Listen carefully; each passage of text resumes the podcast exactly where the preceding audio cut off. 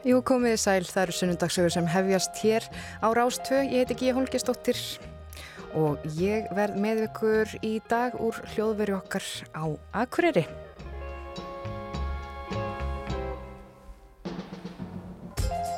Og gestur minn í dag er manneskja sem elskar ævintýri, hún elskar að fara óheðbundna leiðir, elskar að miðla, segja sögur, hún elskar líka að ferðast, hún hefur skrifað þó nokkar bækur um það, hvernig á að ferðast bæði fyrir ferðarmenn sem koma til Íslands en líka Íslendika sem fara annað.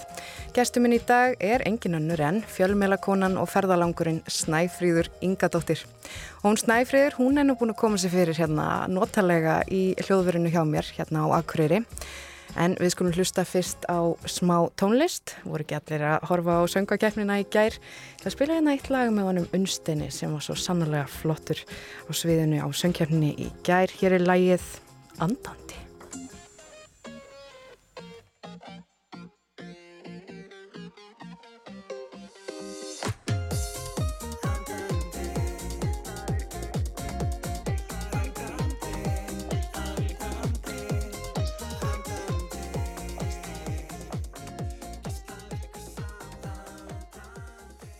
Sunnudagssögur.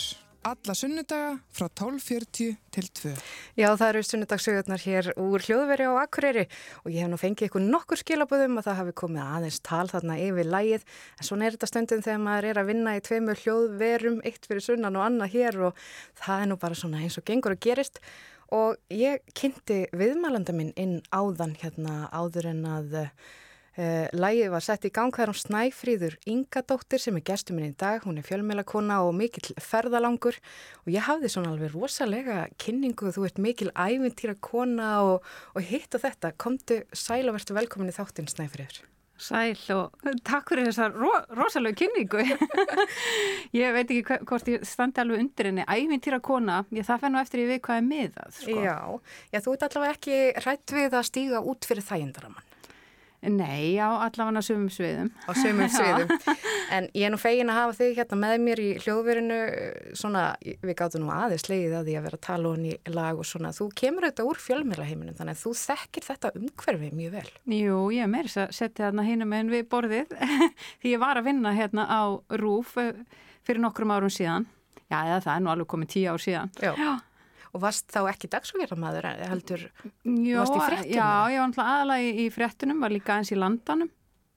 Mm, það, það er nú svona þáttur sem er ennþá einna vinsalistu þáttum bara í sjónvarpinu. Hvernig var það að vera í landanum? Það var bara hérna skemmtilegt, það bara var, var gaman alltaf að fara bara út á land og, og, og, og hitta skemmtilegt fólk.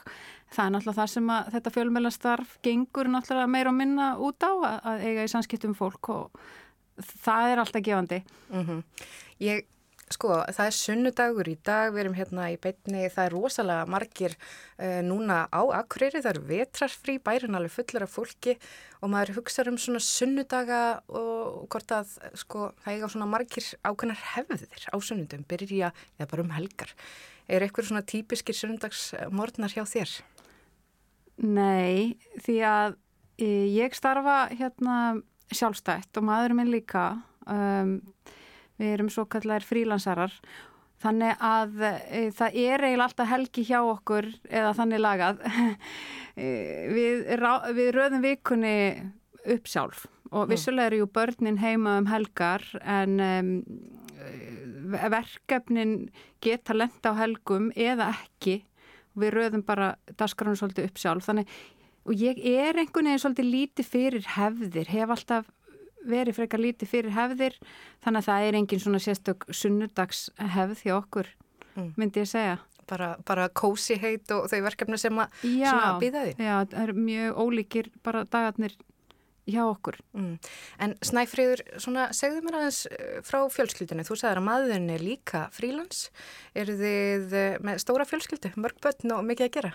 Já, maðurinn minn eh, heitir Mattias Kristjánsson, hann er húsasmíðamestari og við hefum þrjú börn, þrjáldætur, Ragnæði sem er 15 ára, Margreti sem er að vera 14 ára og Bryndisi sem er að vera 10 ára og uh, við sagt, uh, störfum sjálfstætt hann uh, starfar tekur að sér verkefni sem húsasmiðameistar en einnig þá hérna erum við með fastegnafélag og, og eigum og rekum nokkra rýbúir sjálf og, og það er svona bara alls konar mm. verkefni. Svo er ég náttúrulega fríla sem fjölmjöla kona og hef svo líka verið að skrifa bækur og halda fyrirlestra. Það er svona það helsta sem við erum að fast við. Það þekkjaði held ég sko flestir af þessum uh, teni áhugaðínum eða kanar í eiga áhuga. Þú hefur skrifað marga bækur um það að fara til Tenerife til Kanaríana og, og þú ert nýbúin að gefa útbók, ég held hérna á henni, Costa Blanca. Það er ekki alveg hérna Kanaríjar en það er spátt, svona næsti bæri við svo sem og ég ætla að fá að, að, að spyrja þið nánar út í þessar bækurðina setna en áður um við förum þangað þá langar maður að vita svona pínu um hvaðan þú kemur. Hefur alltaf allist upp hérna á Akureyri og verið hér? Já, ég fættu uppalinn hérna á Akureyri á hérna við vorum sex sískinin og e, já, ég bjó hérna á Akureyri bara, kláraði hérna grunnskólinn hérna en e, flutti svo söður fór í skóla þar og fór svo sem auperti Þískalands og, og svo kláraði ég mentaskólinu Eilstöðum og, og held svo, held svo bara út í heim. Já. Um, en sko þegar þú varst lítil hefur alltaf verið svona ævintýrakjörn uh, þurfti alltaf að vera að, að stoppa þig af við að gera eitthvað óskunda?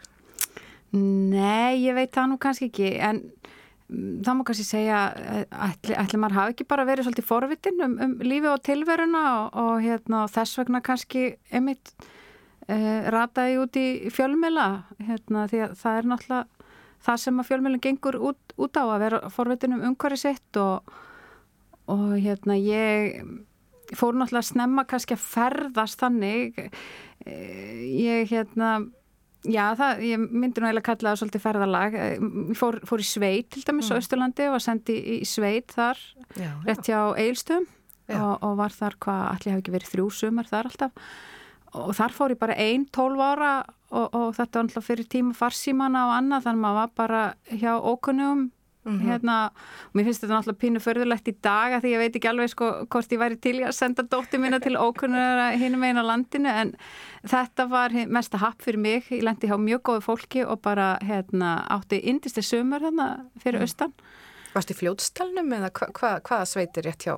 Nei, ég var, var ekki í fljótstalunum. Þetta er, hérna, þetta er bara rétt ára nú kemur hérna, til eilstað frá hérna, Svona í áttuna jökuldalunum? Þetta eiginlega tilheyri róastungunni. Það er bara hérna við þjóðvegi eitt samt eh, hérna bærin, heit, heitir Flúðir og uh, hjóni sem ég var hjá búin reyndar ekki lengur þar en ég held að svona er að tekja teki við hérna bílinu. En skemmtilegt. Þú varst líka í mentaskóla, eh, sagður þú áðan, á eigilstöðum. Ertu svona, uh, þú sækir svolítið austur? Já, það var algjör tilviljun sko og te þetta tengist einmitt ekki neitt. Ég mm. semst að uh, eftir, eftir grunnskólan þá hérna, fór ég söð til Reykjavíkur og ætlaði aldrei að koma aftur til akkur, aldrei að búa hér aftur sko. Já en svo breytast hlutinir þegar maður regnar spötn og svona og nú er ég komin hinga en ég fór sem sagt söður í, í, í framhalskóla og þar kynntist ég mitt kærastanu mínu sem var að austan. Mm. og þannig kom það til að ég hérna fór fór austur sagt, og eldi þáverandi kærastanu minn þanga og eldi hann svo sí, síðar líka til Norex þannig að Og í Noregi, hvað, varst, hvað voru það að gera þar? Ég hérna fór í, við vorum bæði námi og ég fór e, að læra hérna bladamennsku. Fór í bladamanna háskóla í Oslo og ég einhvern veginn ákvað bara frekar snemma að það, ég vildi verða bladamæður og hérna sótti það mér fast að komast inn í þannig skóla sem var ekki auðvelt á þenn tíma og þurfti mitt að býða býða smá hérna, mm. til að komast þarna inn að því að e, til þess að komast inn í ena skóla þurftur að sapna svo kallum háskólapunktum Já. og hérna þú gast e, unneirinn háskólapunkta með því að fari meira háskólanám eða fá hlut til metna e, starfs, starfsreynslu metna þannig að ég var bara fullu líka að reyna að skrifa skrifa greinar í íslensk blöð og, og hérna, sendi held í hverja einustu grein til þeirra Já. í skólan til að reyna að hýfa mig eitthvað upp. Já, í þessum punktum. Já, í þessum mm. punktum. En þú komst inn á endanum? Ég komst inn á, á endanum og, og hérna... Og var það gaman að læra fjölmiðla fræði uh, út í Nóri? Það var bara reynd útsagt æðislegt. Já. Ég bara mann ennþá eftir, eftir tilfinningunni, eftir hvern skóladag, mér fannst ég koma bara flúand út úr skólanum og mér langaði bara að segja öllum heiminum hvað ég hefði lært. Já. Það var alveg svona vá upplifun. Það var mjög skemmtilegur eh, tími. Og hvað gerur þú svo? Þú kemur til Íslands og ferð að vinna bara í, í, í fjölmjölum? Já, ég fór að gera alls konar hérna, ég fyrst eh, kom ég eitt sumar, fór ég eitt sumar á mokkan í starfsnám Já. Á meðan á náminu stóð og síðan hérna kom ég heim og ég byrjaði til dæmis með eitthvað útastátt á bylgjunni á sunnudögum og síðan, já hvert fór ég? Jú, ég fór á, á Devaf, ég byrjaði á Devaf, já. Mm. Byrjaði á Fókus Já, á Devaf. já. Það er svona mannlífsdægumálafréttir. Já, eiginlega. einmitt. Fó, fókustími var mjög skemmtilegur og fór svo síðan yfir á helgablaðið. Og þróastu þaðan út í að fara bara að skrifa já, þessar svona meiri fréttir og ferð út í fréttamennsku eða? Nei, ég í rauninni vildi aldrei verið í fréttum, þannig lagað. Ég, hérna, ég fór á fyrstu, fyrstu fréttirnar sem ég gerði. Ég, ég tók nú kannski einhverja fréttavaktir á, á, á hérna, devaf. Það getur vel verið, ég hafi tekið einhverja helgar fréttavaktir. Um, en það var meira svona bara eitthvað að ringja sjúkarhási og aðtöða hvort að eitthvað, eitthvað slísa orðið að ringja. Já. En um, Að ég- það hvað það var í dagbók þann eitthvað svo daginn. leiðis, þetta var mjög auðvelt sko. En hérna, allir fyrstu fréttinu mína hafi ekki bara verið hérna á skjá, skjá einum. Ég, ég hérna gerist fréttamaður á skjá einum. Já, Þeir voru með, með eigin fréttatíma. Akkurat. En fréttina þar voru samt ekki venjulega fréttir. Þeir voru settar í annan búning þannig að það átti vel við mig. Og í rauninni fór ég ekkert að vinna með alvöru fréttir fyrir en ég kom hingað norður á rúf. Mm Og hvernig var það? Hvernig var að vinna hérna á Rúfi? Þetta er auðvitað að vera þessi svæði spundni fréttamaður. Já. Uh, hvernig fannst þér þetta? Þú, uh, það er svona þeitingur út og söður og, og, og, og mikið talað um landbúnað og, og hvað er að gerast í náttúrinni og ýmislegt. Já, sko, það var nefnilega þannig að, að, að eins og ég sagði við, ég ætlaði aldrei að flytja til Akureyrar aftur en svo kom hrunið Já. og hérna, það breyttist ímislegt þá og, og eh, við e, hjónin, við ákvæmum sérst að flytja til Akureyrar e, einfallega bara vegna þess að, að hér áttu við kosta á því að kaupa hús en gáttum í rauninni ekki treyft okkur í Reykjavík þannig að við seldum íbúið í Reykjavík þryggja herbyggi íbúið og fengum einbýlishús og eirinni hér í staðin og milligjöf Mm. þannig að það hljómaði sem ágættis plan og við vorum hvort með vinnu hérna. En svo ótrúlega vildi til að þegar við vorum að koma hérna norður að skrifa undir kaupsamningin þá sé ég akkurat að það er auðlist eftir fréttamanni á rúf hérna og ég hef svo sem aldrei verið spennt fyrir fréttum þannig lagað Eh, ég hafði reyndar alveg unnið á rúf áður, ég hafði verið í sítegisúttarpinu á Rástvö og, Já, já. og verið með einhvern eh, þáttum helgar líka, þannig ég hafði verið Já. komin álagt út á svinslu en ekki Já. fréttum. Nei, Það var alltaf meira svona þetta mann, mannlega sem hafi heilla mig en ég sótt um starfið og, og, og, og, gerist fréttamaður hérna. Og það var náttúrulega mjög gaman og, líka bara lærdómsrikt, ég var, fór að læra nýja hluti og, þetta að vinna, vinna hratt og, hérna og komst inn í svona, þú veist, sveitastjórnamálin og aðra málaflokka sem maður hafi svo sem ekkit verið kannski mikið að spá í uh, fram á þeim tíma. Þannig að þetta var alveg skemmtileg, skemmtilegur tími hérna. En hann var líka erfur því það var alls konar að gerast hérna. Og ég var með tvö börn lítil og, og hérna þú veist það voru íspyrnir að ganga hérna á land og það voru einhver náttúr, náttúrhanfarir var hérna ég man sérstaklega eftir hausti 2012 þá hérna eh, snjóaði mikið hérna í september. Já, í í var það Já, var já. bara mjög mikla hremmingar hérna í, í Mývatnssveit. Þannig að það dagarnir voru oft mjög langir og, og stremnir sko. Mm. Og við vorum fáliðu hérna og, og alls konar eitthvað snjóflóð og hitt og þetta sem var verið að senda manni og, og vera á vaktinni Já, uh, þú myndist þarna á, á snjóþingslinn í Mývarsveit og var þetta ekki akkurat þegar að það voru marga kindur sem að, að, að lendu undir öllum þessum snjó? það voru kindur sem að einmitt fendu hann inni og, og það var einmitt mjög áhrifiríkt að, að fá að fara þetta með mjög sett og fylgjast með bændum er að, að reyna að bjarga kindunum í hús og, og, og björg, við vorum að elda björgunarsveitir hérna og, og urðum alveg vitna því þegar var verið bara hreinlega að móka hérna eh, kindur úr sköplum sko. Já, og þetta hlýtur nú að taka svolítið á. Já, en sérstaklega sko kannski uh, tók þetta á bara fjölskytuna líka að hérna maðurinn minn var í námi á þessum tíma. Ég man, mm. man líka sérstaklega eftir því að hann var til dæmis einhverjum prófum og, og annað og, og maður var kannski bara ringjandi í hann bara, herru ég er ekki að koma heim hérna eh, klukkan fimm eins og ég held þú veist, ég er bara komin hérna í húnafarsísluna eða eitthvað sko. Yeah og þá var hann kannski bara, oi alveg, þú verður að koma heim ég er að fara í prófa morgun. Þannig að þetta hendaði kannski ekki alveg hérna uh, akkurat þá að vera í þessu. Þannig að ég sagði upp hérna þegar ég átti vona á þriðudótturinni ég var ófrisk og, og sagði upp. Og það var rosa fyndið að ég, ég, ég sagði upp sem sagt kassu ólétt og það, fólki fannst það mjög föruldi, ég var að segja upp kassu ólétt, hvað væri ég eiginlega að spá sko? Og fólk var alveg hva, í hvert eiginlega að fara? Fyrst þú ert að fara úr fréttamannastarfinu þú lítur að hafa fengið eitthvað geggja vinnu tilbúið hvað ert að fara í pólitíka? Í hvað ert að fara? Já. en ég var ekki að fara í neitt. Ég var ekki með það var allt opið bara, ég vissi bara að þetta hendaði mér ekki akkurat á þessum tíma Já. það var bara ómikið álag bara að vera með hérna tvö börn undir fimm ára og, og annað á leðinni til þess að vera í þessu starfi sko. mm -hmm. Þannig að þá stýgur þú svolítið svona skref út í eitthvað sem að þú vissir ekki alveg hvað myndi, hvað myndi gefa af sér Nei, nei, en það er nú bara oft þannig að þegar eina dyr lokast þá opnast nú bara aðrar sko Já, við sitjum hérna saman uh, ég, Gíja Holmgjörnsdóttir hérna í hljóðveri á Akureyri og er að spjalla við hennar Snæfríði Ingadóttur. Skulum heyra hérna smá tónlist áður en við höldum spjalli okkar áfram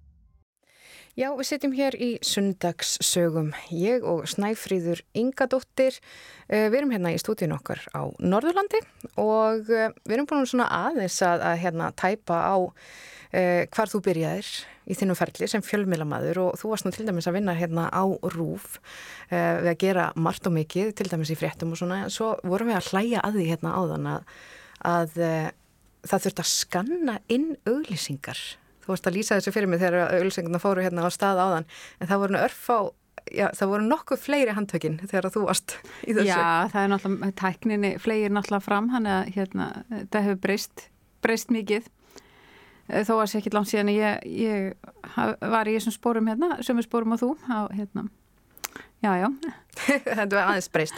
En þú varst að segja, við vorum að tala um það á þann að þú varst að vinna hérna rúf en, en svo bara hendaði þetta ekki alveg svona stækandi fjölskyldu, þetta var mikið álag og, og þú ákveður, kass ólétt, að segja upp þessu starfi og, og, og fólk var svona pínu hissa, hvað ætlar þið nú að gera? Þú lítir að vera með eitthvað hrikalega gott starfstilbóð en, en þú ætlaði bara að fara út í því ókunna.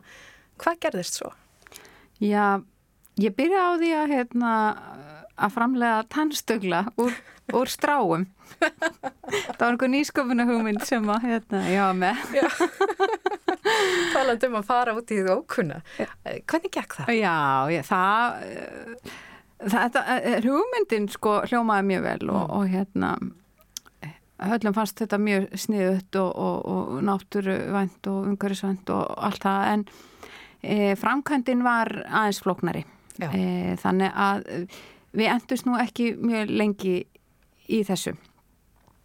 Og eh, hvað tók svo við? Já, hvað, svo tóku bara við alls konar eitthvað frílansverkefni. Ég man nú ekki einu sinni, þú veist, maður var bara sjanghæjar í hitt og þetta, maður fór að skrifa alls konar greinar og aðeins að vinna fyrir N4. Ég var með í einhverju þáttagerð hérna á, á, á Rúf, einhverjum útastáttum einhver útastáttagerð og, og bara hitt og þetta svona bara frílansverkefni sem að hendu betur kannski samleiða hérna barna uppeldinu uh mhm. -huh. en síðan e, þetta ár sem að ég sem sagt, e, hætti á rúf e, þá eignaðist ég með þriðabab ég varð færtug líka Já. og ég fór í fyrsta skipti til Kanari eiga og það var eiginlega svona upphafið að pínum breyttum lífstíl mhm. -huh. myndi ég að segja uh, Og það mitt, Kanari Eyjar þetta hefur verið mikilvægur staður fyrir þig í þínu lífi hvernig var fyrsta ferðin og hvað var það svona sem að, að þú uppgötaðir?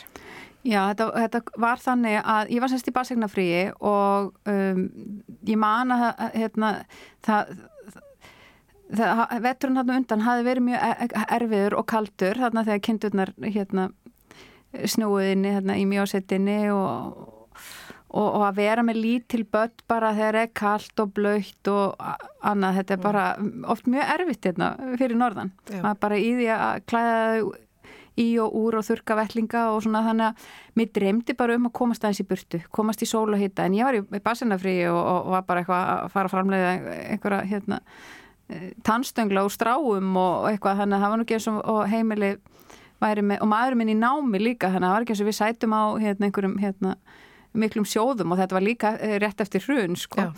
þannig að, að, en ég fann leið til að koma okkur út í heim sem voru semst íbúaskipti. Þannig að við gerðum okkar fyrstu íbúaskipti svona formlegu íbúaskipti á Kanaríum jólinn í 2013 og uh, að komast uh, fyrsta lagi er bara að upplega það að geta fengið bara lánað hús einhverstar út í heimi það var bara ótrúlega hérna, tilfinning. En einhver treysti manni bara fyrir mhm. heimilinu sínu hreinlega. Og svo við vorum aðna í held ég þrjári eða fjórar vikur manni eða ekki alveg. Og hérna bara á þessum tíma þá bara svona kviknu ímsar hugmyndir. Mm. Kanski líka bara vegna þess að við eh, rákust þarna á fólk sem að lifiði svona óhefbundnu lífi. Já. Var kannski ekki alveg inn í þessum kassa sem að hérna, maður þekkir vel hérna frá Íslandi og það svona líka bara kvekti eh, svona hugmyndir, já, vá, ja, bara hérna hægt að gera þetta svona, já, ok, mm. Mm, áhugavert. Og, og var það það, sko, á þessum tímapunkti sem að þú svona og þið fjölskyldan byrjið eiginlega bara svona markvist að dvelja Erlendis í eh, lengri tíma? Já, sko, eftir, þetta var algjör vá upplöðun hann í fyrsta skipti sem við gerðum íbúaskipti og árið eftir, ég veit ekki hvað við gerðum mörg íbúaskipti þá, því að það bara, það munar svo miklu að þurfu ekki að greiða fyrir húsnæði. Mhm. Mm stærsti lutin af ferða, ferðarkostnaði fólks er yfirleitt hótelkostnaðurinn. Það er ofta hægt að fá ódýrt flug og sérstaklega eftir að lágjaldaflugfélagin komu þá er hérna, hægt að komast út í heim til tölu ódýrt en uh, með því að, hérna, að sleppa við að borga fyrir húsnæði þá, hérna, þá er þetta náttúrulega bara miklu öðeldara. Þannig að það opnaði svolítið auð okkar hérna, en síðan kannski það sem gerðist var að, að eh, á þessum ferðarlöfum þá kynntustu alls konar fólki og, og hérna og það er náttúrulega það sem að ferðarlög gera. Þau svona hérna gefa manni inblástur og hugmyndir að á þessu og opna kannski augumanns fyrir einhverju nýju og það var það sem bara þessi ferðarlög gerðu. Og eh, ég, ég gleymi til dæmis ekki þegar hérna, við hittum fólk á Tenerife sem var háskólamentað uh, og þau ákveðu samt að vera ekki að vinna. Og það fannst mér mjög merkilegt að hérna voru háskólamentuð og það áttu, áttu tvær íbúir eh, og, og hérna en ákveðu að frekara að hérna í staðin fyrir að vera eða tímanum í einhvern starfsframa, byggja upp einhvern starfsframa þá voru þau bara að, hérna, að njóta lífsins. Um, voru bara hjóla reyfa sig um, bara spá í einhverjum allt, allt öðrum hlutum heldur en, heldur en starfsframa já. og það var einhvern veginn svona bara svolítið vá fyrir okkur, bara vá, já, ok, er það bara í lægi, getur maður bara gert það, já. Sko, starfsframi er eitt en svo einhvern veginn þarf maður að, að hafa í sig og á e, það er nú eitthvað sem maður þarf líka að pæla í. Já, og þau til dæmis, þau áttu náttúrulega tvær íbúður, þau legðu, þau legðu þær út og, og kusu þarna að búa til dæmis í húsbíl Já og voru þá, þau hafa brjála að gera höfum í þessu sporti þeirra, þau voru út að hjóla, þau voru í göngutúrum, þau voru í hinn og þessu sko. En um, þannig til dæmis þá kveiknaði hjá okkur svolítið þessi hugmynd um, hvort að við gætum einmitt uh, uh, haga lífa okkur einhvern veginn þannig að við gætum haft uh, passífa innkomi, mm. semst að tekjur þar sem úr ekki að selja tímaðinn og það var kannski svolítið upphafi af því að við fórum út í svona hérna leigu le, leigurekstur sem að hérna við eigum núna nokkrar íbúðir sem við leigjum bara út mm. Hérna á Akureyri? Já, hér á Akureyri Já.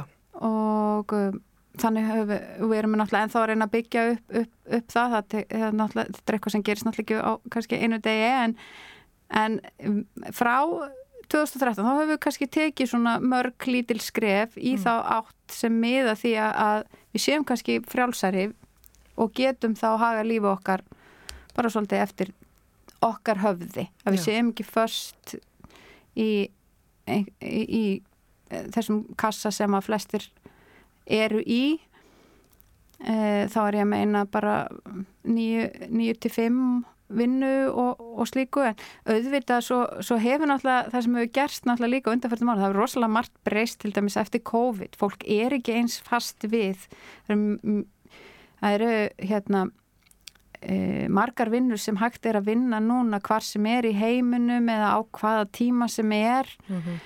þannig að fólk er komið kannski með meira frálsræði að mörgu leiti Já, það sem kannski stoppar marga er þetta að taka svona skrif eru börnin. Börn eru oft í, í leikskóla og, og skóla og það eru vinir og það eru e, íþróttir og alls konar félagslíf. Um, hvernig já, hefur verið ykkar reynsla af því að fara svona út með börnin og í svona lengri tíma líka? Já, við fáum mjög oft þessa spurningu einmitt, hvað með börnir? Já. Þau hérna missa nú skóla og hvað með vínina og allt þetta en um, ég, ég, þú veist, við höfum bara tekið, tekið þær, við, við höfum sem sagt við höfum yfirlt farið eh, á, á hverjum vetru höfum farið í burtu allavega í mánuð tvo mánuði, þrjá mánuði, fjóra mánuði og einu sinni fórum við heilt ár mm. og byggum heil, he, heilan skólavettur, byggum heilan skólavettur á Tenerife þannig að eh, við erum vanar að taka þær úr skóla og við höfum bara hreinlega átt mjög gott samstarf við uh, skólana sem það hafa verið í og, og tekið bara fulla ábyrð á þeirra námi og, og, og kent þeim bara heima Já.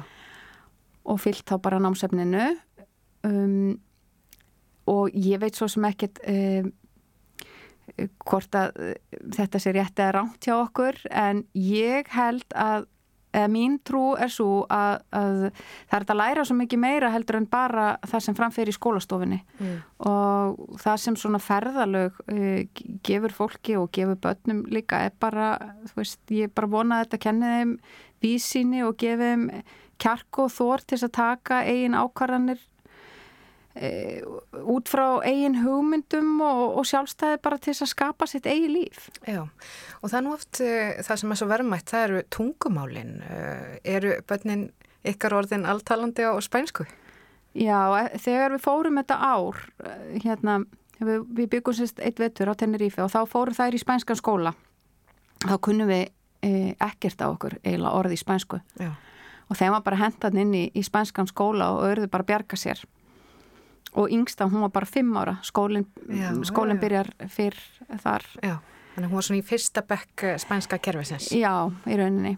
Og hérna, en þær voru ótrúlega segar sko, það er mm. hérna, það var mjög erfitt eh, fyrstu tveir mánuðinir en er hérna elsta er alltalandi sko, hún er bara mjög góð í spænskunni og hinnar, hinnar tvær e, læri spænskuna líka og, og hérna geta bjarga sér það er frekar við fóreldrarnir sem að hérna, sitjum aðeins eftir því að við höfum nota börnin kannski og mikið til þess að þýða fyrir okkur. Já, já, já, en þetta, þetta kemur nú allt, alltaf. Við erum, erum, við erum alltaf að bæta við okkur.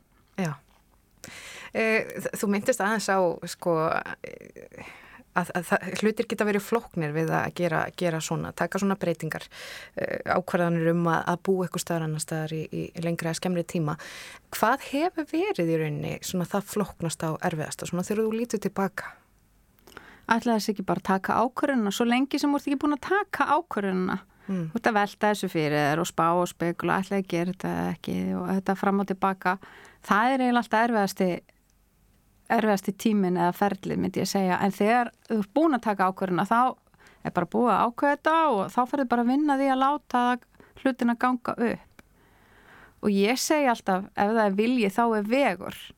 Þannig að um, ef maður er með einhvern svona draum eða hugmynd eh, hérna, þá bara finnst mér að fólk eigi að reyna að, að, að láta að rætast. Því að ég held að sé að alveg hræðilegt einmitt að, að sita uppi undir lokæfinar og vera með einhver, með einhver eftirsjá. Að ah, ég hafði nú alltaf draum um þetta að gera þetta og, og svo gerði ég það ekki. Og hérna að því það er það er hægt að láta ótrúlustu hluti verða veruleikum hérna ef maður er bara staðráðin í að láta það ganga og, og, og oft er hægt að finna uh, leiðir, alveg svo bara ég nefndi þetta dæmi á þann, við áttum ekki krónu þegar við fórum að byrja að ferðast þarna, ég var í bassernafríi en þá fann ég þessa leið með íbóskiptin mm -hmm. og í, við byrjum í rauninni að nýta okkur íbóskipti að því að við höfum bara ekki kostan ennu öðru.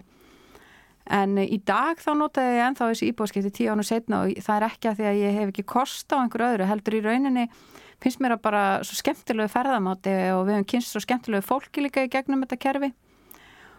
Og eh, já, ég held að ég muni alltaf hérna, nýta mér íbóðskipti saman hver fjárhagurinn er. Já, og þú hefur skrifað bók, talandi um það þú hefur skrifað marga bækur og til dæmis bók um íbóðskipti Já, ég, því ég fjekk bara var svona, þetta, ég var nú eiginlega bara svona e, maður múið segja að þegar ég byrjaði á þessum íbóðskiptum þá hafi ég nú bara eiginlega svona kristnast. Þannig ég hópar eitthvað trúbóð og, og fór að tala við alla um íbúaskipta og kosti íbúaskipta og hvað þetta væri sniðugt.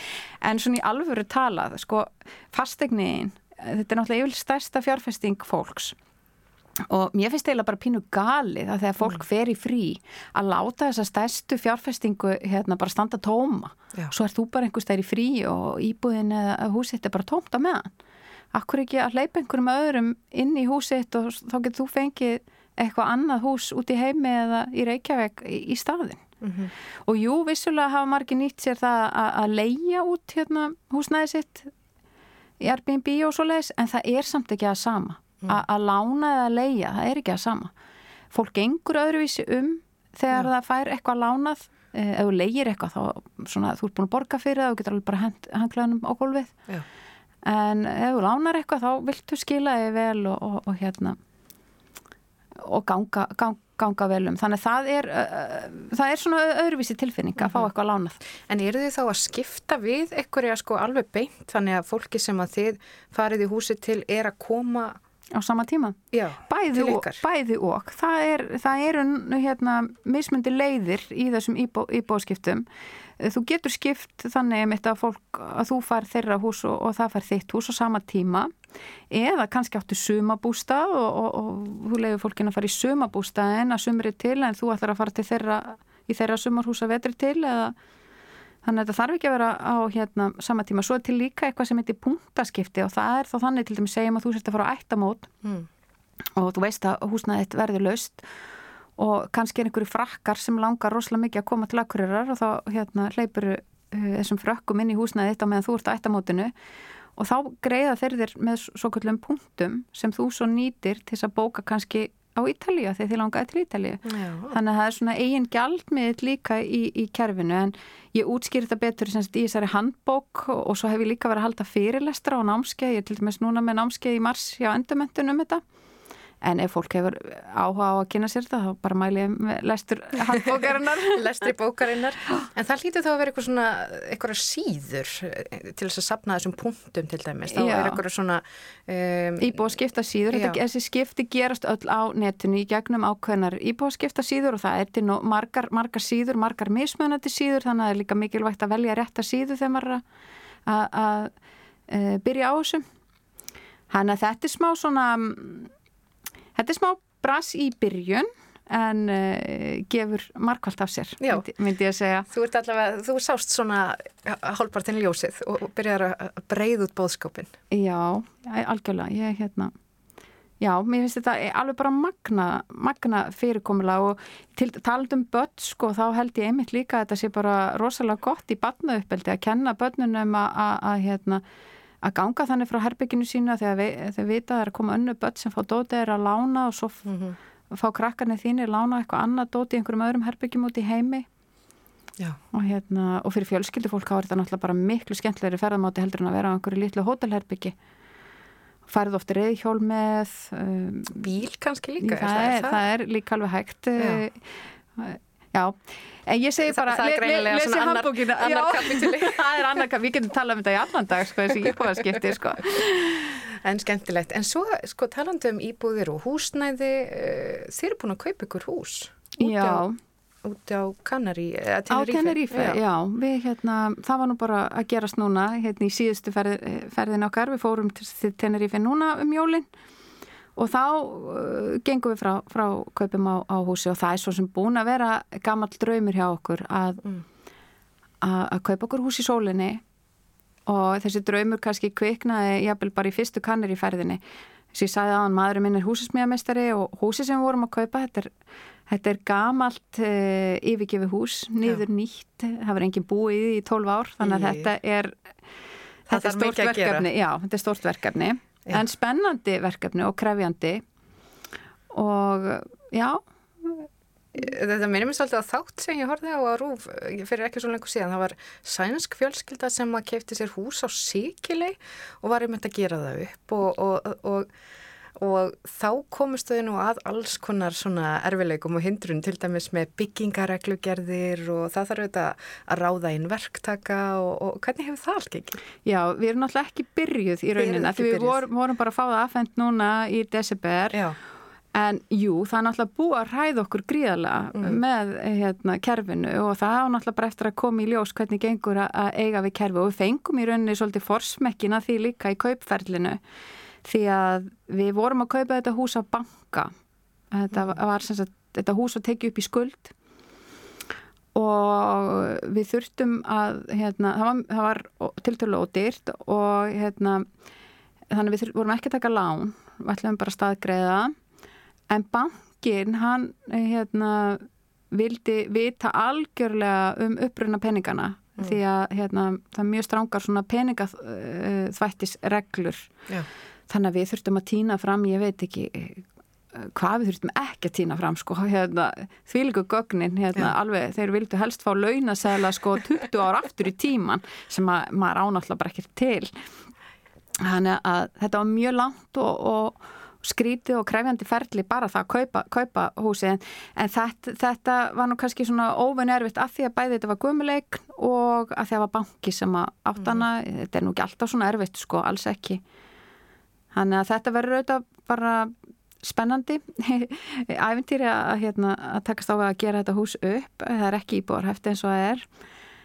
En um, ég, ég reikna jafnvel með því að við einhvern veginn hérna, festum, festum þessa sögu niður, ég er nú vöna að hérna það verði efn úr öllu já, sem ég já. geri þannig að hérna, ein heimildamind, það verður verið eitthvað svo leiðist kannski eða handbók eða eitthvað slíkt. Glæsilegt. Við setjum hér saman í sunnudagsögum á Rástfö uh, Gestuminn er Snæfríður Ingadóttir fjölmiðla kona og mikill ferðalangur. Við skulum heyra smá tónlist og svo höldum við áfram spjalli okkar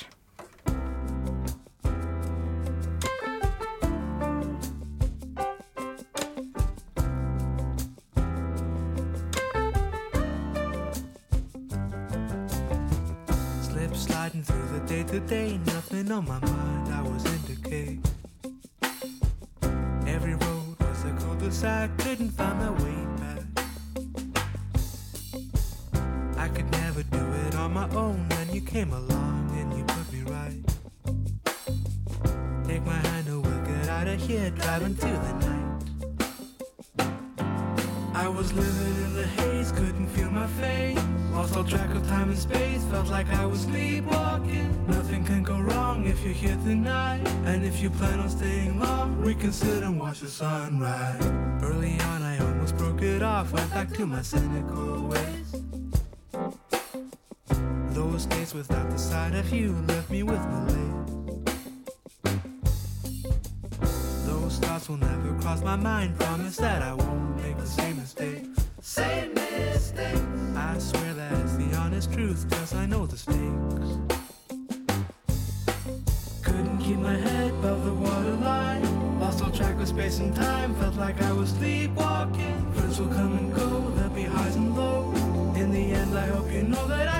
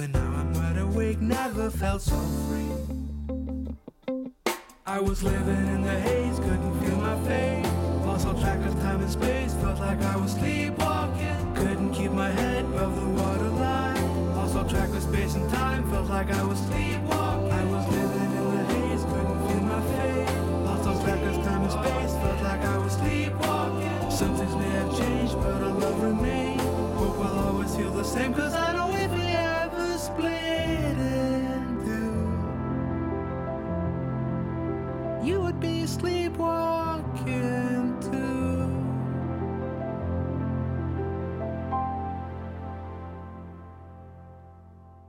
Sunnudagssögur. Alla sunnudaga strax eftir hátdegisfrettir.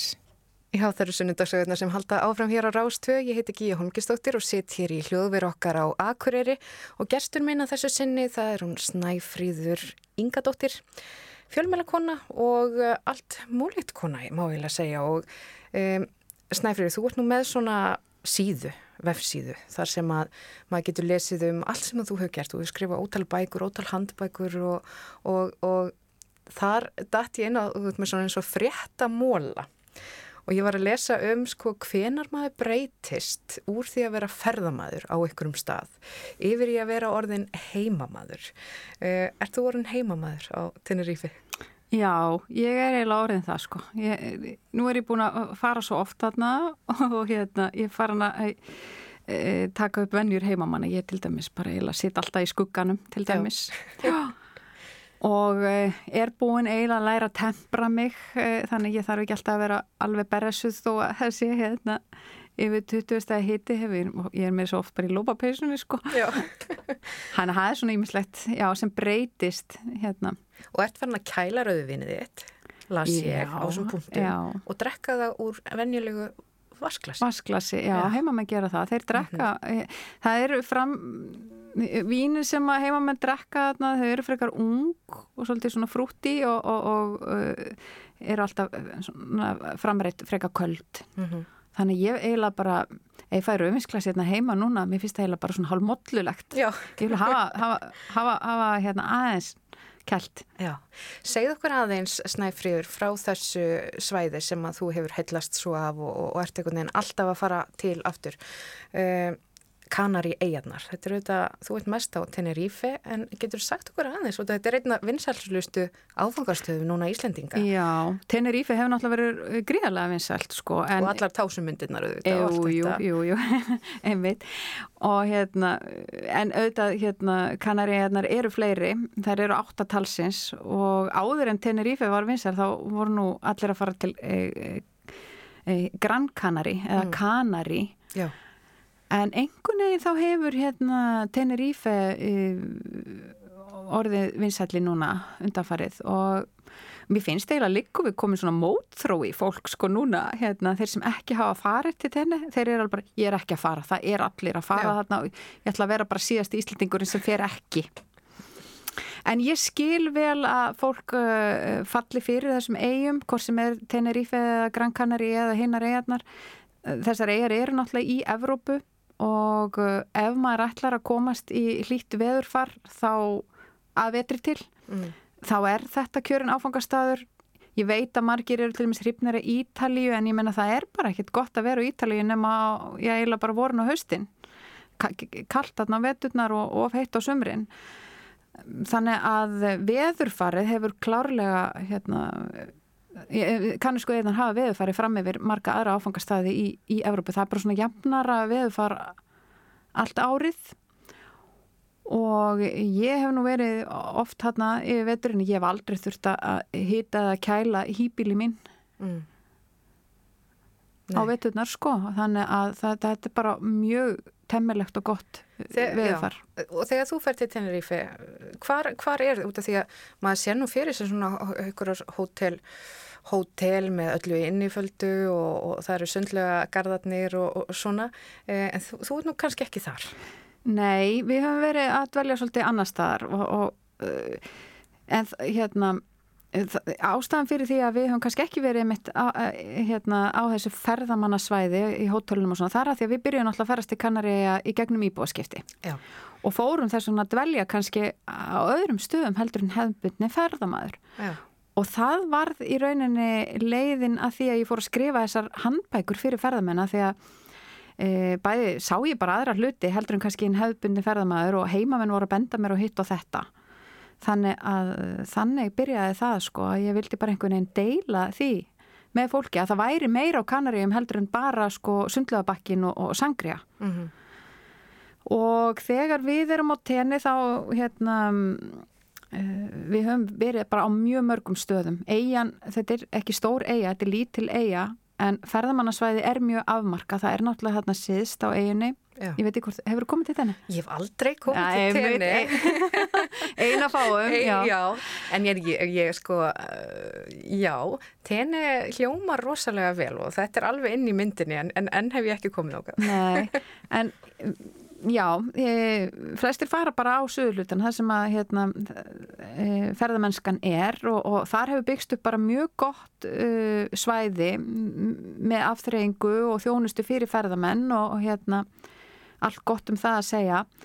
En eh, ef maður fyrir aðeins út fyrir þetta ferðamannarsvæði sem að sem, nota benni þetta ferðamannarsvæði byggðist engungu upp fyrir ferðamenn það var ekkert þarna áður. Nema í Los Cristianos var, hann sábær var hérna gammal fiskimannabær en, en Playa Americas og Adeje, Costa Adeje það var ekkert þarna í rauninni áður en ferðamannarsvæði byggðist upp.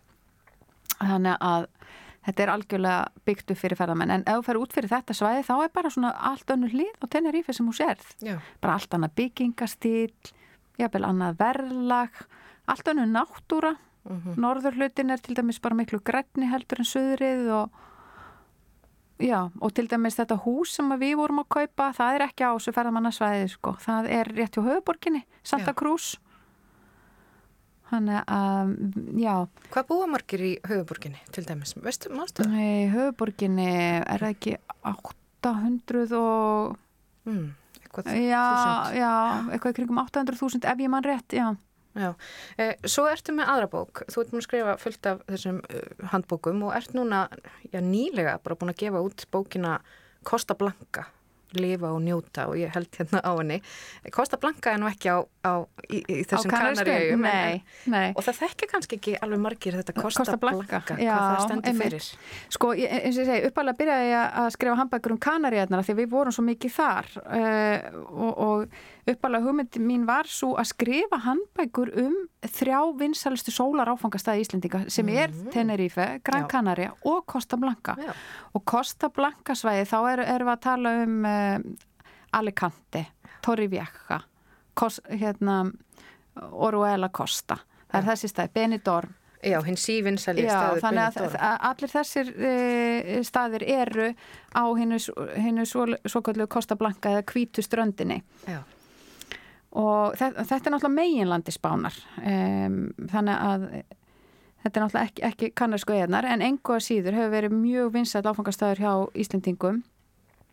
Og uh, er mjög fjölbreyttur, náttúrulega allt öðruvísi heldur en kannarsku eðnar en engu að síður líka áhugaverður. Mm. og ég skil að, hérna n- margir vilji setjast þarna að. Torri Vjaka og, og hérna Orwell Costa hefur til dæmis verið mjög vinsal svæði fyrir Íslendinga sem vilja bara setjast að í, í sólinni já, og um, skildi engan undra. Það er náttúrulega bara bæði veðufari og verðlæði sem fólk er að sækja í og um, það hefur byggst náttúrulega upp bara hérna upplugt samfélag Íslendinga þarna mhm, niður frá, þannig að það er mjög auðvelt að, að flytja búferlum á þetta svæði. Eh, bara fólk talar ennsku þarna. Það er eh, góður hópur Íslendinga þarna sem hægt er að leita til eftir aðstóð já, en þetta svæði hefur bara líka upp á svo margt annað að bjóða sem gaman er að skoða og það er það sem ég er náttúrulega kannski að benda á í þessum handbókum, ég er alltaf að benda fólki á eitthvað annað heldur en hérna kannski e, aðeins að fara, já. út af þessum svona venjulega svona vegir svona sem að kannski flestir fara en, en hvernig svona til þess að búið til svona handbók þú hlýtur að þurfa að vera þarna á svæðinu Jú. og ferðast um og spyrjast fyrir og, Jú, jú. og hvernig, hvernig er ferlið að svona einni handbók? Æ, handbók. Þú þarf náttúrulega að fara á, á, á þessa staði og ég, til dæmis þá hérna við gerð Kosta Blanka bókarinnar þá vorum við fjölskeldin til mis mánuð þar sem við vorum hreinlega bara að prófa alla skemmtigarðana á þessu svæði og ég hreinlega Vá. wow. skemmtigarðaði yfir mig, skal ég segja, ég þarf bara ekki fleiri skemmtigarða Þannig að það er alveg lífið. hægt að skemmti garða yfir sig. Það er hægt hjá fóreldrum en það er ekki hægt hjá börnum Já, Ég var svo hissa, einmitt, ég held að börnin myndu nú bara, ok, hvað hann að gera í dag? Bara hún fyrir skemmtika, yey, aftur! Ég beði alltaf eftir einn degi að það myndi segja bara ekki aftur, við vorum í gæri eða fyrir að það, nei, nei, nei, nei, nei. Börn fá aldrei nóga skemmt í gorðum mm. En for, foreldrarnir þeir voru orðin, orðin svolítið þreytt á þessu. Já, maðurum minn talaði um að hann hefði fengið kulnun í fríinu sko. Þessu skemmtikar fóru alveg með það en e,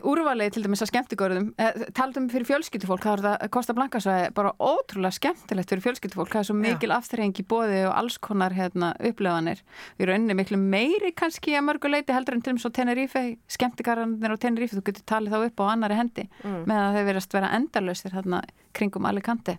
Já, og kannski þá er þetta, ég veit að það eru margir fóreldrar með ungbönn sem er að fara til uh, Tenerife en þetta er kannski svona svæði fyrir meira uh, fólks þegar maður er komið með börn sem eru einmitt á svona skemmtigarða aldrinum. Skemmtigarða aldrinum. Já. Já, eða bara sko með ungbönn þá skiptir náttúrulega engum áleila hvert þú ferð. Þú, það þarf bara Nei. að vera uh, sannströnd og ról og sko börnin eru ofta ekkit að byggja um neitt meira og ég man sérstaklega eftir því þegar við fórum með börnin okkar í fyrsta skiptið mitt í dýragarð mm. og, og það voru gýrar að fara að sleika hendurnar á þeim og opáslega spennandi upplöðanir svo lög dagsins þá spurðum við þér hvað hefði verið skemmtilegast veistu hvað það sögðu það var ekki neitt með gírafan eða neitt Nei. að fá ís og fara á rólo auðvitað Það, veist, það er skemmtilegast. Það er bara alltaf skemmtilegast. Þannig að hérna, e, minnst foreldrar ofta einmitt hérna, þeir eru að æsa, æsa hérna, allt upp í eitthvað, allt og, allt og mikið. Stundum bara þú veist, þarf þetta ekki að vera svona mikið, það þarf ekki að vera einmitt, heimsókn í skemmtikar með svona ungböð þeim finnst bara geggja að fá ís í sólinn og fara á ströndinu að móka þurfa ekkit meira. Þetta, eru, já, þetta þarf að hafa í huga svona þegar maður er að skipuleika fríin uh, framundan. En við skulum heyra hérna smá tónlist að við förum að klára spjallið okkar. Það er hún Snæfriður Ingadóttir sem að situr hér hjá mér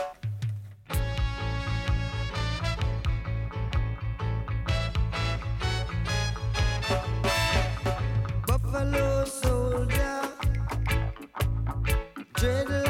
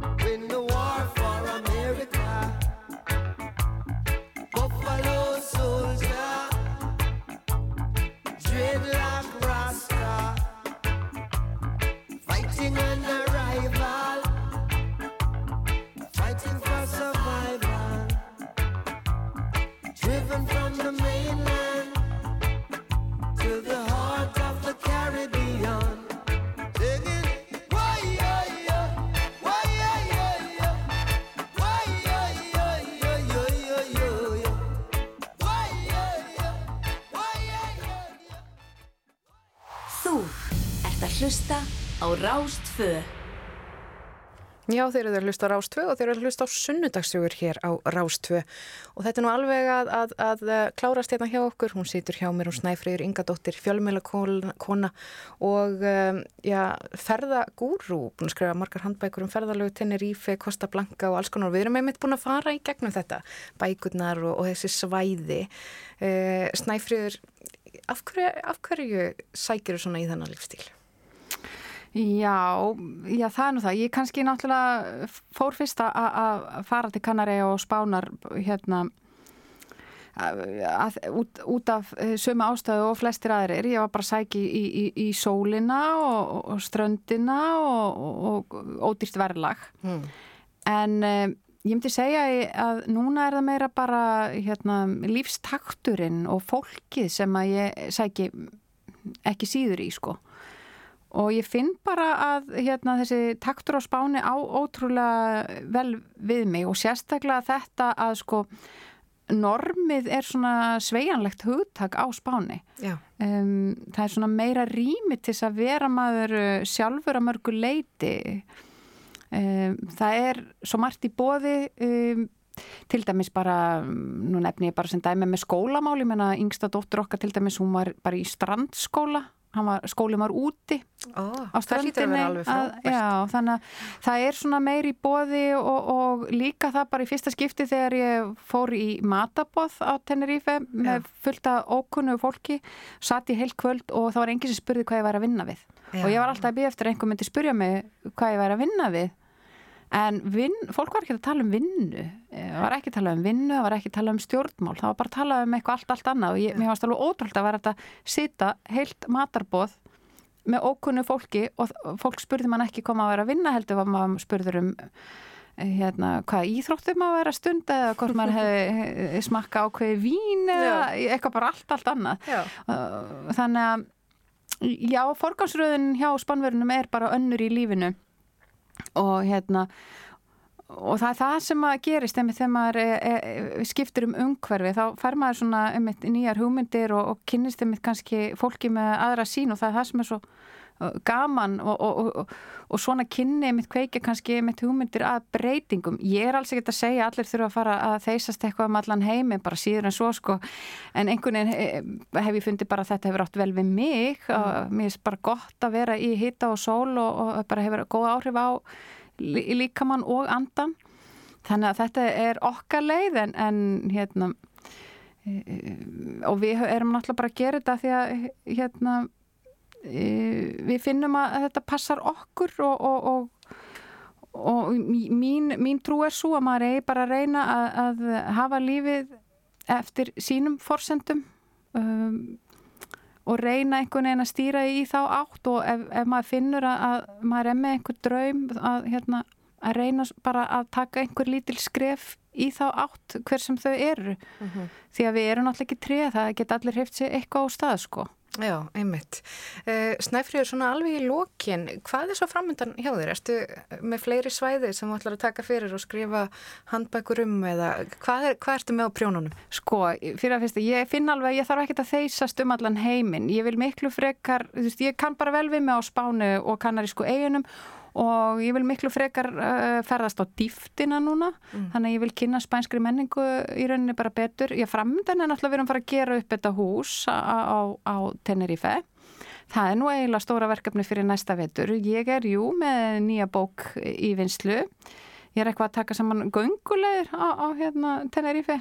Sjáum til hvernig hún hérna, kemur út nákvæmlega. Já, þannig að þú mátt ganga yfir þig fyrir næstu bók. Mm, já, ég er nú búin að því við, við erum, höfum, höfum alltaf gengið mjög mikið og með okkar stelpur. Mista æðislegt að frábæra göngulegir hérna Uh, á þessum eigum og líka bara á meginlandun og í öllum þessum bókum mínum er alltaf einmitt kabli, bara sér kabli um göngulegir það sem ég stinga upp á einhverjum góðum göngulegum það er að fátt betra einmitt heldur en að fara uh, vera út í góðu veðri og, og ganga í fallari í náttúru og ég vil endilega bara benda fólki á að það getur hérna kæft þessa bækur inn á heimasíðunum minni lífeferðala.is og svo fástar líka í Eymundsson ef einhver, einhver vil fá inblástur fyrir sitt Já. næsta frí, hvað sem þetta er spánar eða, eða eða kannari eiga. Það eru auðvitað margir að plana uh, ferðalögin sín núna hvað það ætla að gera um sumarið og þetta er bara mjög góð leið til þess að, að, að glugga í þessa bækur hérna. Mér finnst nú, já, mér finnst nú eiginlega bara alltaf hérna hálft ferðalagi vera það að lesa sér til um áfangastæðin og láta sér hlakka til og þetta, ég með það er stór partur líka af ferðalaginu, maður má ekki hérna gleyma því. Ég með mitt lesið að það hefur góð áhrif á andlega, andlega hilsu að láta sér dreyma, að ferðast í huganum. Já, En Snæfríður Ingadóttir, uh, já, takk fyrir komuna hinga í sunnundagsögur og að segja mig frá svona hvernig þú byrjaðir að ferðast uh, á þinn hátt, ferðast mikið og segja frá bókunum þínum og því sem er framöndan. Takk fyrir komuna. takk fyrir að hafa mig. Rástvö, fyrst og fremst.